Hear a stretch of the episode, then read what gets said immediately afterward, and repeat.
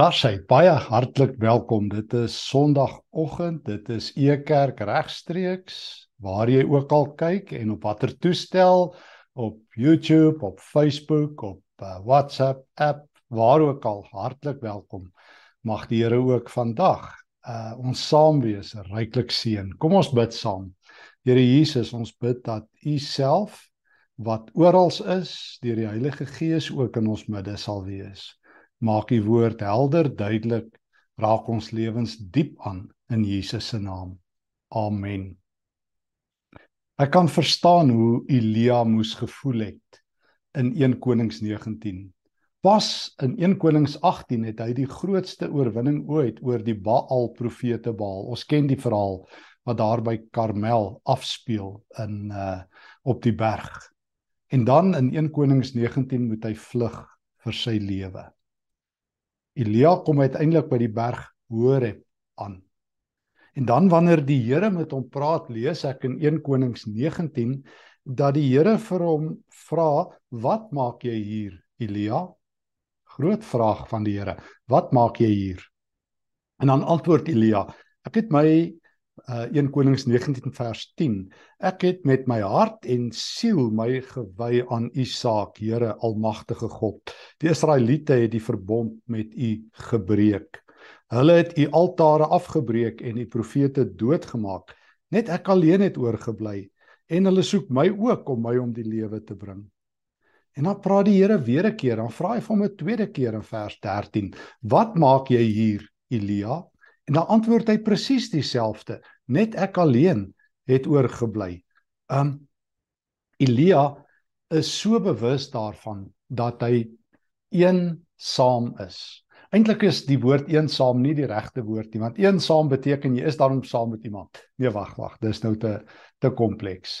Een alleen, net ek alleen het oorgebly. En dit is nie lekker wanneer jy voel jy's in die minderheid nie. Kom ons wees eerlik. Ek kan verstaan toe 'n dominee vir my een keer gesê het iewers toe hy as 'n jong leraar in 'n gemeente gekom het, het hulle op Sondagoggende voor die erediens stoele ingedra.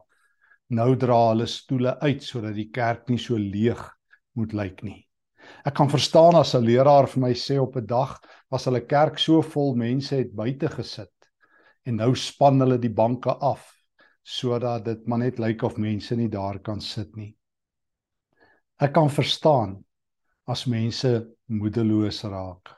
As jy alles insit wat jy kan en jy net voel niks gebeur nie.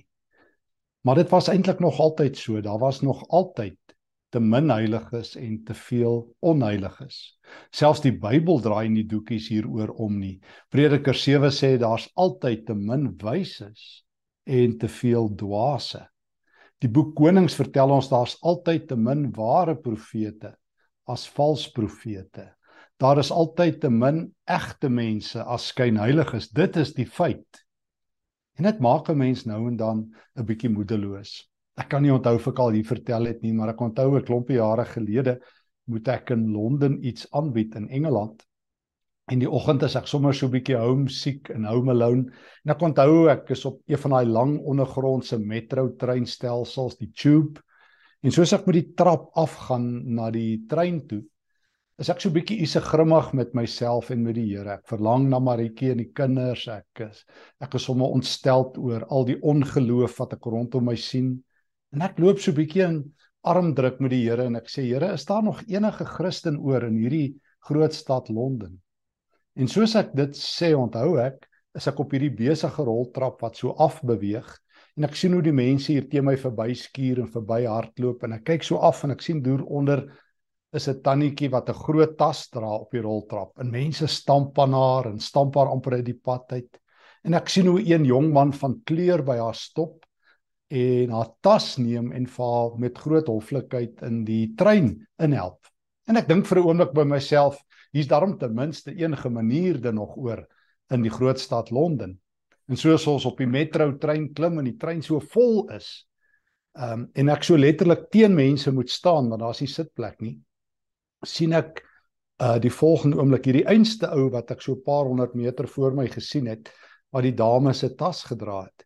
En ek sien hy hou so aan die paal vas en hy lees 'n Christelike boek. En ek kan nie help nie en ek sê vir die persoon, "Sir, are you a Christian?" Hy sê, "Oh, I'm a follower of Christ."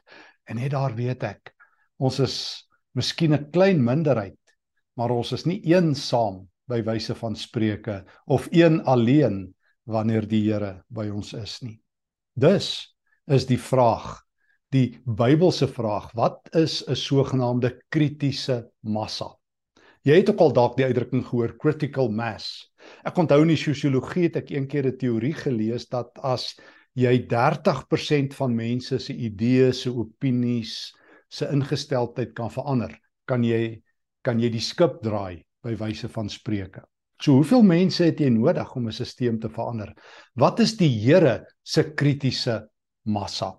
Bly jy het gevra. Kom ons gaan kyk bietjie vanoggend in die woord. En ek wil as ek mag so vier dinge saam met jou vanuit die skrif deel oor die Here se kritiese massa, een of twee wat dikwels oorgenoeg is. Sodat ons nie hier aan die begin van 2023 al klaar weer moedeloos en uitgeknikker is net omdat dit vir ons lyk asof die wind suid waai nie. Wel heel eerste, jou aanwesigheid is oorgenoeg as jy in die naam van die Here aanwesig is. Die Bybel vertel dit oor en oor en ek het gedink om net weer vir 'n oomblik 'n fotobeeld uit Handelinge hoofstuk 27 um, te deel. Hoor weer, jou aanwesigheid, jou impak is oorgenoeg al is jy een as jy in die naam van die Here aanwesig is. Hierdie verhaal blaas my elke keer weg by wyse van spreuke wat afspeel in Handelinge 27. Dis 'n hartseer verhaal by wyse van spreuke. Paulus is op pad as 'n gevangene op 'n skip Rome toe. Uh hy is in tronkstraf gewees in Caesarea Maritima en nou het hy hom op die keiser beroep en nou sy aan boord van 'n skip. En Paulus sê onmiddellik vir die kaptein: "Hulle moenie vaar nie want dit is winter." En ek lees dat Paulus sê die Here het vir hom gesê Handelinge 27 vers 10: "Manne, Ek sien dat ons vaart van nou af gevaarlik sal wees en dat daar nie net groot skade aan die vrag en die skip gaan wees nie, maar ook lewensverlies.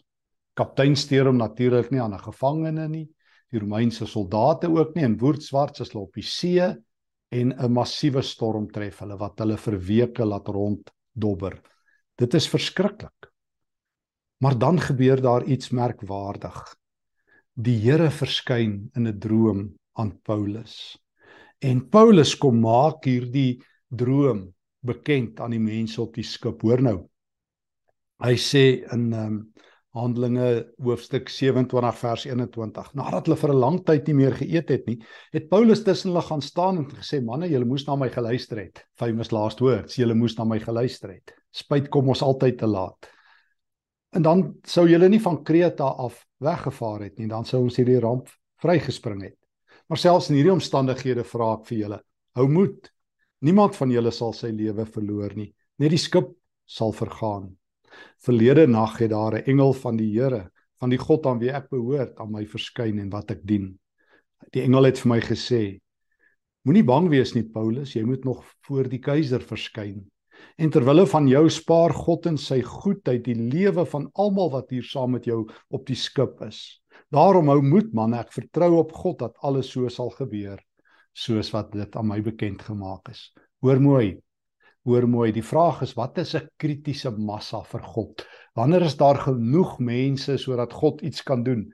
Wanneer is jou aanwesigheid onmisbaar? Antwoord: altyd. Wanneer Paulus op die skip is, is die skip in beter hande. Die skip moet vergaan, dit is God se oorspronklike plan of dit is die oorspronklike woorde wat Paulus gesê het. Ekskuus, laat ek dit reg sê. En dan omdat Paulus aan boord is, omdat sy aanwesigheid en sy impak so groot is, spaar God die skip. En nou hoor ek in vers 37, ons was altesaam 276 mense aan boord. Dis baie maklik as jy op 'n skip is en jy's die enigste gelowige onder 276 om handdoek in te gooi. Dis maklik as jy in 'n werk sit en almal behalwe jy is 'n gelowige om handdoek in te gooi. Dis maklik as jy in 'n land bly of in 'n stad bly en jy's ook volgende deel van Ekerk iewers in die buiteland. En en jy sien net hoe donker dit is en hoe ongeloof groei om handdoek in te gooi. Maar hoor hierso, jou aanwesigheid en jou impak is alreeds 'n kritiese massa. Een alleen is een saam as die tweede een die Here is. Omdat Paulus kosbaar is, red God die lewe van 276 mense. So God se kritiese massa is een persoon.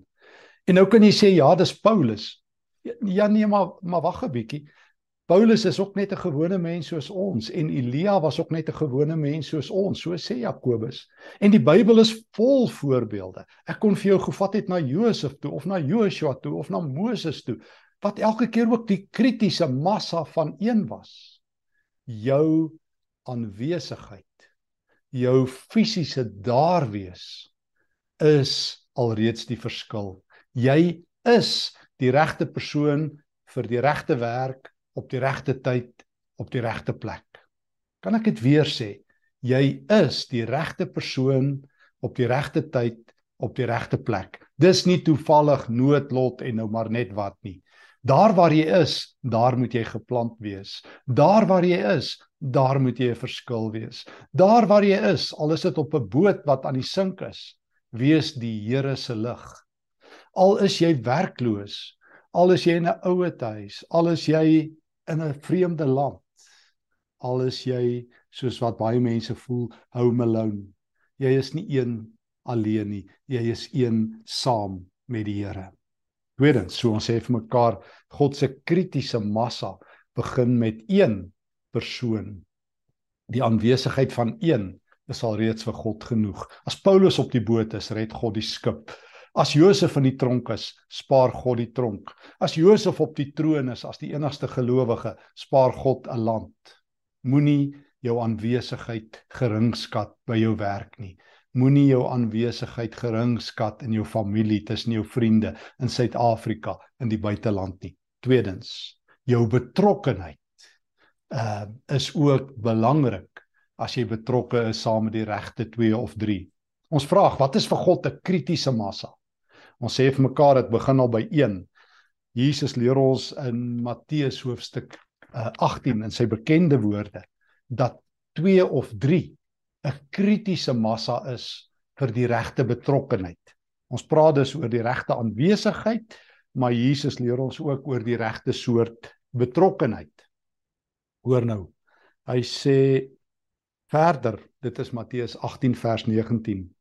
Verder verseker ek julle as twee van julle op die aarde oor enige saak saamstem en daaroor bid, sal my Vader wat in die hemel is hulle dit laat kry, want waar twee of drie saam in my naam is, daar is ek in hulle midde. Hm, mense sê vir my die kerk krimp. 2 of 3 is meer as genoeg. Ek moes dit op 'n harde manier leer 20 jaar gelede en ek 'n stukkie persoonlike getuienis mag deel 20 jaar plus amper 21 jaar hierdie jaar gelede het die Here die E-kerk in ons hart gelê. En ek het altyd gedink dis 'n aanvulling. En toe corona die virus tref en ons digitaal begin om Sondae te preek, het die Here vir my gewys, Stefan, ek het vir julle 'n nuwe realiteit gegee en dit het jou 18 jaar gevat om dit volledig te omhels en ek het dit by Peer Engelbregt en by die ander jong mense geleer wat dit lankal voor my verstaan het dat God oral is hy is ook digitaal en ek is so hartseer dat baie kerke dit net as 'n pleister sien net as 'n aparte bediening sien ek lees selfs baie keer op sosiale media ware kerk is daar waar mense fisies is maar hier is ons fisies en ek leer by Jesus waar 2 of 3 is, daar is ek in hulle midde. En ek het al baie keer gewonder hoekom hoef ons dit eers aan mekaar te verduidelik. Ons doen deesdae ons banksaake, ons doen deesdae ons kos aankope, dis tog realiteit digitaal. Ons kuier met ons familie en vriende reg oor die wêreld digitaal. Dan sê mense vir my God kan nie hier wees nie, hier sit ek en jy. En ek het in die afgelope jare saam met al die ander spanlede van Ekerk beleef dat daar meer bekerings plaasgevind het as wat ek ooit gesien het. Meer geestelike groei tussen hierdie 2 of 3. Meer geloofvorming. Ons het agtergekom ons kan pastorale terapie so doen saam met Jaco en ou Franco wat vroeër oorlede is en Jaco Pitter wat tans dit vir ons doen. Kan mense uh, deur diep waters gelei word digitaal. Ek het agtergekom ons kan geloofsgemeenskap hê waar twee of drie is sê Jesus daar is ek hier is hy tussen ons en ek kon sien hoe e-kerkers met mekaar skakel reg oor die wêreld nou en na die tyd. Nee ek sê nie jy moet jy moet fisiese kerkbeeenkomste afskeep nie. Almal van ons peer ek self Rudolf preek elders vanaand preek ek weer by 'n kerk in Brakpan en volgende Sondag ook by 'n gemeente fisies. Maar ek weet die Here is ook hier Die regte betrokkenheid is waar 2 of 3 saam is in sy naam. Prys die Here dat die Here vanoggend in ons midde is en groot dinge doen. God se kritiese massa is 2.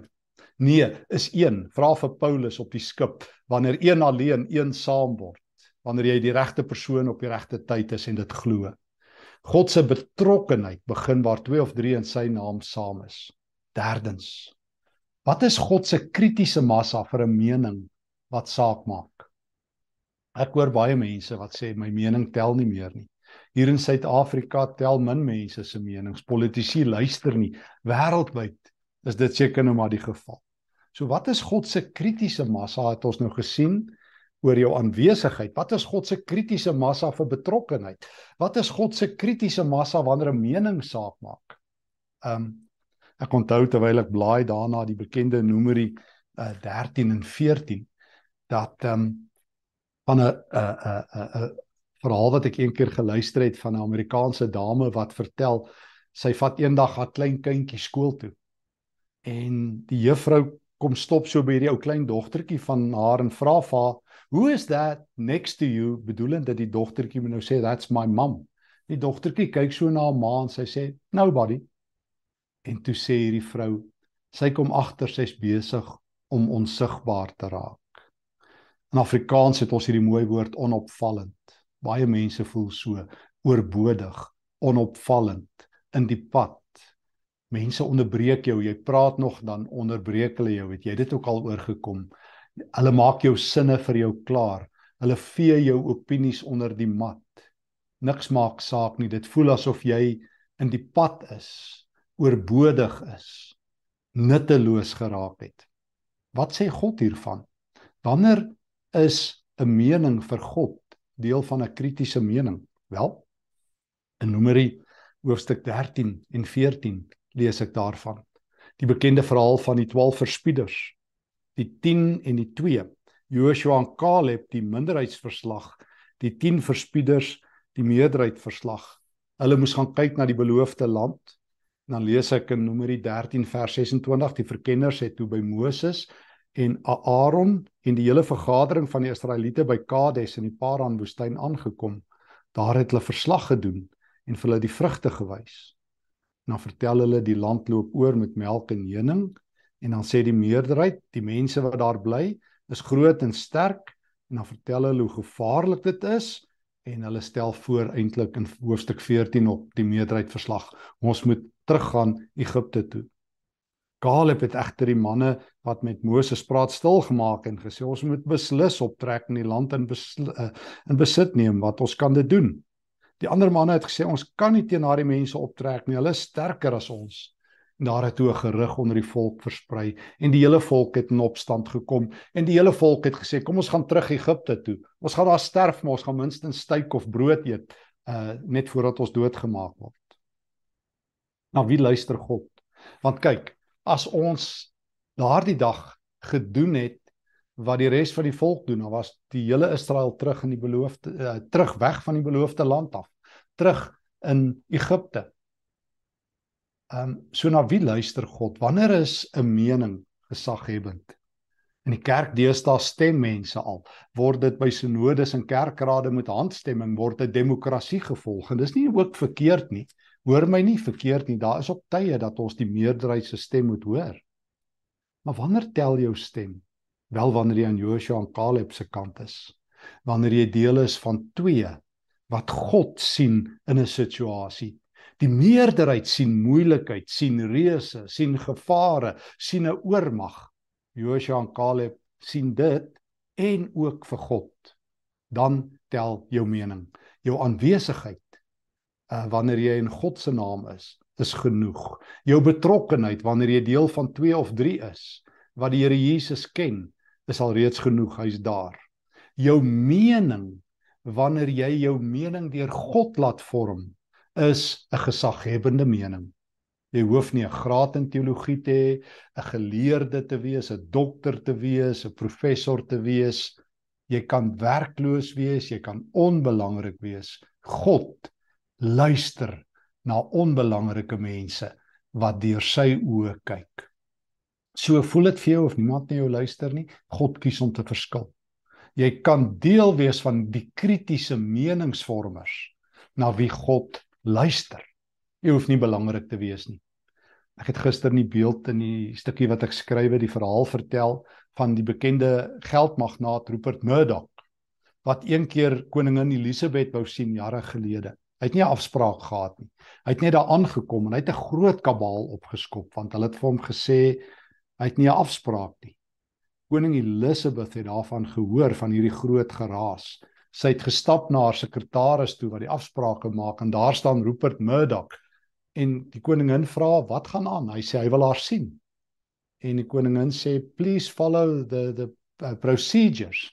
En hy kyk haar so hy sê don't you know who I am? Weet jy nie wie ek is nie? Asof ek voorkeur behandeling moet hê omdat ek Rupert Murdoch is. Die Here luister na gewone mense. Jou mening maak saak, glo dit net. Joshua en Caleb, twee ouens het dit gewaag om God se mening, nie nee God se gesaghebende posisie in te neem. Want God het nie maar net idees en voorstelle en suggesties nie. God se mening is die waarheid.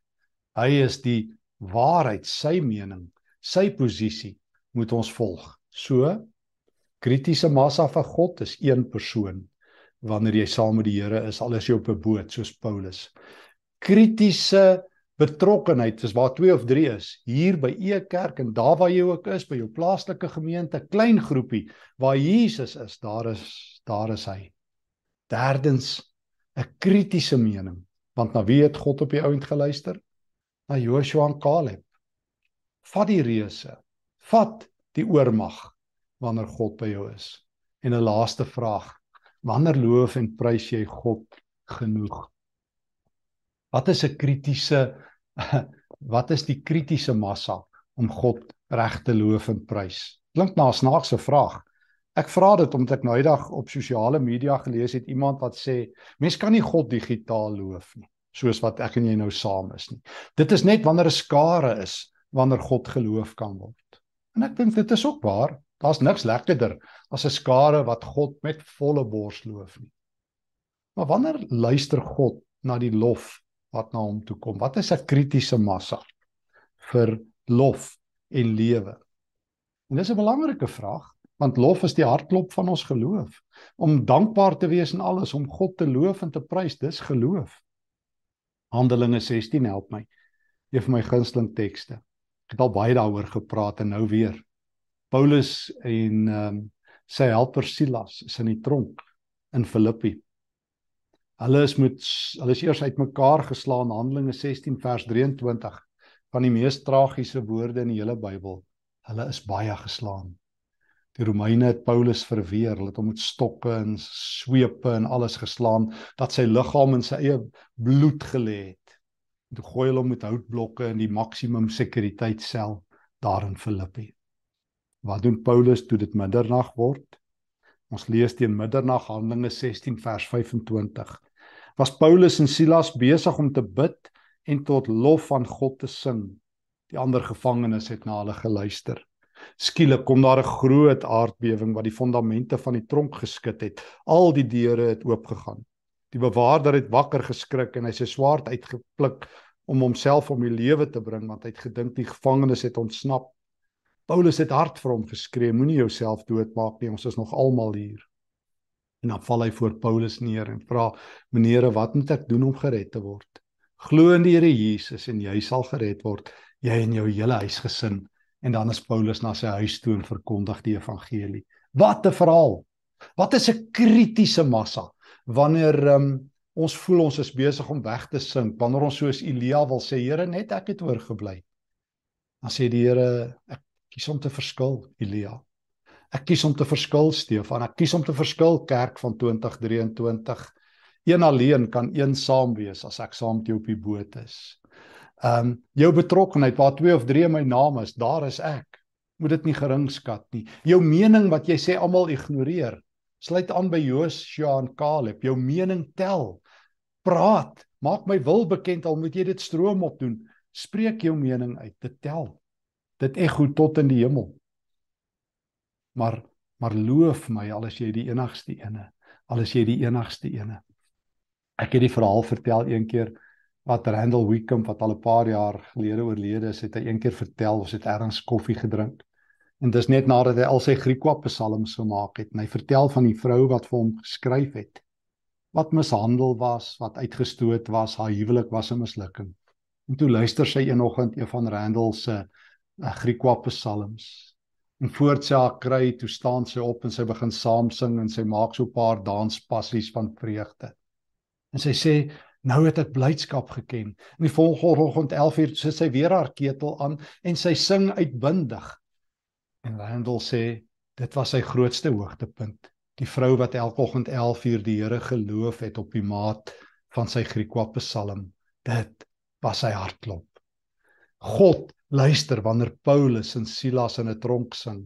God luister wanneer jy agter die ketel staan of agter die skorrelgoed staan of nou alleen is en hom loof gaan nie by hom verby nie.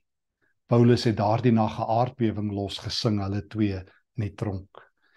Dit is die grootste lofkonsert wat daar nog ooit gehou is. Dit is meer as die derduisende in die groot Amerikaanse kerke en op stadions wat die Here loof. Paulus en Silas het met God se hart geresoneer. Hulle lywe was stikkend, maar hulle harte was gesond. En dit het gemaak dat ook die tronkbewaarder daardie aand tot bekering kom, dat Paulus aan diens was met lof. Ons sê vir mekaar, ons verstaan waar Elia is. Here, net ek alleen het oorgebly. Die Here sê, kan ek julle leer wat se kritiese massa. Wanneer Paulus op die boot is, sal ek 276 mense red. Handelinge 27. Kan ek julle leer wat kritiese betrokkenheid. Wanneer 2 of 3 in my naam is, Matteus 18, as ek in hulle midde en sal ek hulle gebede verhoor. Kan ek julle vertel wanneer het jy 'n kritiese mening? wanneer jy by Joshua en Caleb staan en sê die Here is groter as die reuse, dan tel jou stem. Kan ek jou vertel wanneer jou lof ontplof tot in die hemel, wanneer jy selfs in 'n tronk lê en jou eie bloed lê en my loof, dan sal die hemele aan dit klap, die aarde sal skud, tronkbewaarder sal tot geloof kom en jy sê jy is te min Elia, wat nog 7000 oorgebly gaan lees 1 Konings 19. Jy sê ons kan nie die wêreld verander nie, dis te boos. Jy is deel van 'n kritiese massa as jy by die Here is. Hoor die woord van die Here. Jou aanwesigheid, jou mening, jou betrokkenheid en jou lof, laat dit asseblief ontplof. Amen. Dankie Here dat ons deel kan wees van 'n kritiese massa omdat ons deel is van die geloof.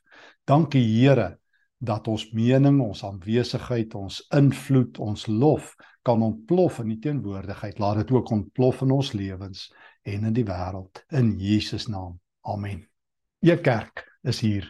Gun my net om 'n oomblik ietsie te sê oor E kerk. Dis ons 21ste jaar wat die Here met ons aan die gang is. Die kerk se visie is eenvoudig: Jesus sigbaar, voelbaar, verstaanbaar. Ons het 'n hele span en een van die dae nog twee nuwe spanlede wat ons Johan sal bekendstel. Almal by E Kerk werk ook elders sodat ons ook um, meer kan weggee.